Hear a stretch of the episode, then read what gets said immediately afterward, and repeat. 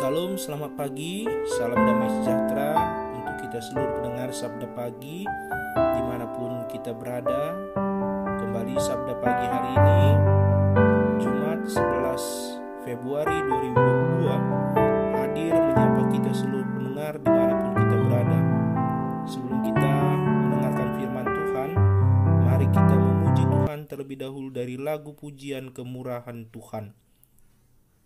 Ku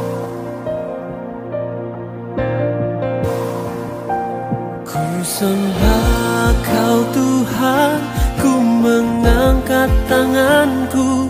Selamanya kau ajaib bagiku. Ku sembah kau Tuhan Ku mengangkat wajahku. Selamanya kau hebat bagiku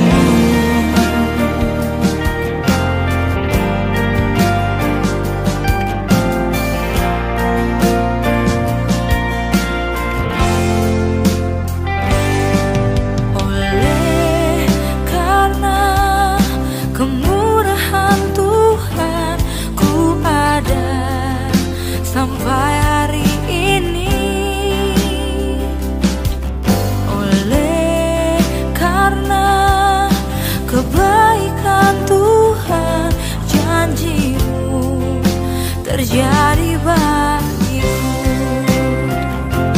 Ku sembah kau Tuhan Ku mengangkat tanganku. Selamanya kau ajaib bagiku. Ku sembah kau Tuhan Ku mengangkat wajahku. Selamanya kau hebat bagiku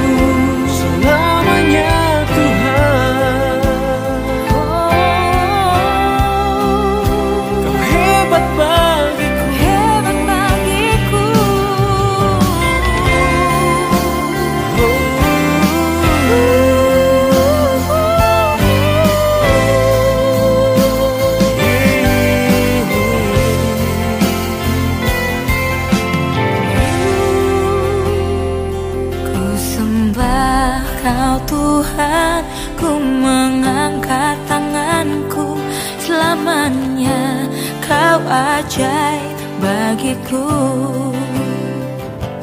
Ku sembah kau Tuhan Ku mengangkat wajahku Selamanya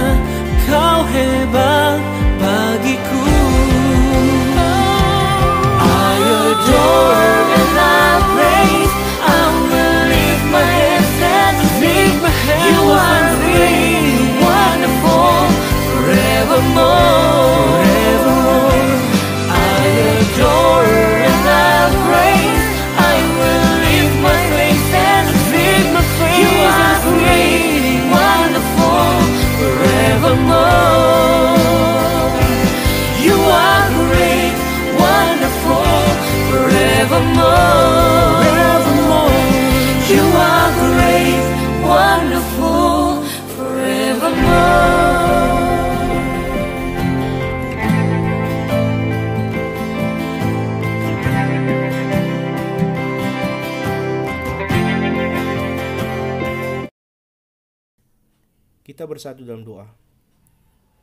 Di pagi hari yang indah ini Tuhan kembali kami datang ke hadirat-Mu bersyukur untuk segala kebaikan-Mu dan kemurahan-Mu yang tetap masih menyertai dan menemani kehidupan kami. Bapa di pagi hari ini kami sungguh rindu mendengarkan firman-Mu kiranya roh kudus-Mu memenuhi hati dan pikiran kami agar kami boleh mengerti apa yang menjadi kebenaran firman-Mu.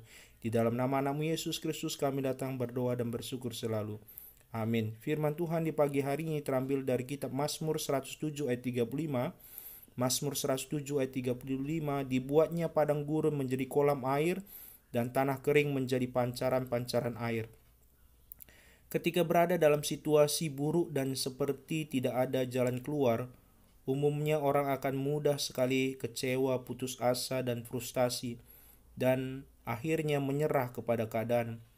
Mungkin orang berkata, "Tidak mungkin sakitku disembuhkan, tidak mungkin hidupku dipulihkan, Tidak mungkin aku berhasil, mungkin sudah nasib. Ketahuilah, keberhasilan atau kegagalan bukanlah nasib, tapi merupakan dampak dari respon kita terhadap situasi atau masalah yang terjadi. Orang yang berhasil bukanlah orang yang tidak pernah gagal atau tidak pernah mengalami masalah, melainkan orang yang mampu menangkap setiap kesulitan menjadi sebuah kesempatan untuk meraih keberhasilan. Seberat apa pun pergumulan yang sedang kita alami, janganlah dijadikan alasan untuk menyerah, tetapi jadikanlah alasan untuk berserah sepenuhnya kepada Tuhan. Menyerah berbeda dengan berserah. Menyerah berarti sudah tidak mau berbuat apa-apa lagi dan berputus asa. Tetapi orang yang berserah adalah orang yang mengandalkan Tuhan dan percaya penuh kepada kehendaknya.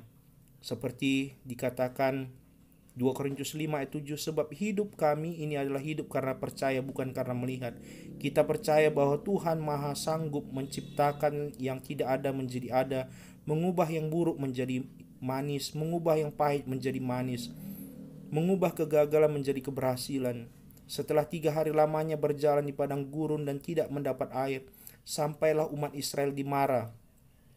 Tetapi mereka tidak dapat minum air yang yang di Mara itu karena pahit rasanya. Keluar 15 ayat 23. Seketika itu juga mereka bersungut-sungut dan mengomel. Lalu berdoalah Musa kepada Tuhan lalu menunjukkan kepadanya sepotong kayu.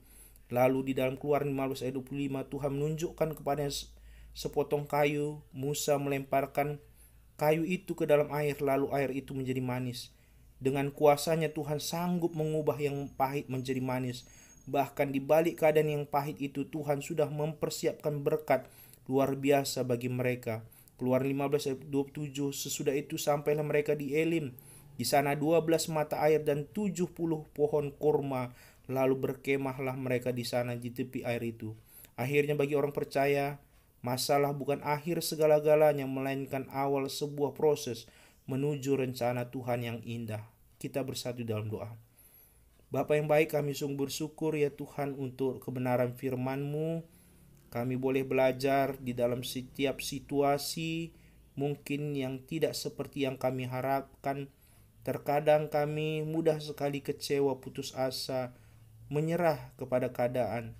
Tetapi melalui firman ini Bapa, kami yakin dan percaya di dalam setiap situasi yang tidak seperti yang kami harapkan itu adalah satu proses yang Tuhan rencanakan agar kami boleh tetap berserah kepada Tuhan saja dan mengandalkan Tuhan percaya sepenuhnya kepada kehendak Tuhan. Oleh karena itu Tuhan memberkati setiap pendengar sabda pagi hari di tengah-tengah kehidupannya untuk selalu berpengharapan kepada Tuhan saja. Berkati seluruh pendengar sabda pagi hari ini Bapa di tengah-tengah kehidupannya. Ketika ada masalah pergumulan tetap ia percaya bahwa Tuhan merencanakan sesuatu yang baik di tengah-tengah kehidupannya. Berkati kesehatan kami, berkati rezeki kami, berkati keluarga dan anak-anak kami. Kiranya kasih dan penyertaan Tuhan selalu menyertai kehidupan kami. Di dalam nama anakmu Yesus Kristus kami datang berdoa dan bersyukur selalu. Amin. Tuhan memberkati firman-Nya dan memberkati kita seluruh pendengar sabda pagi.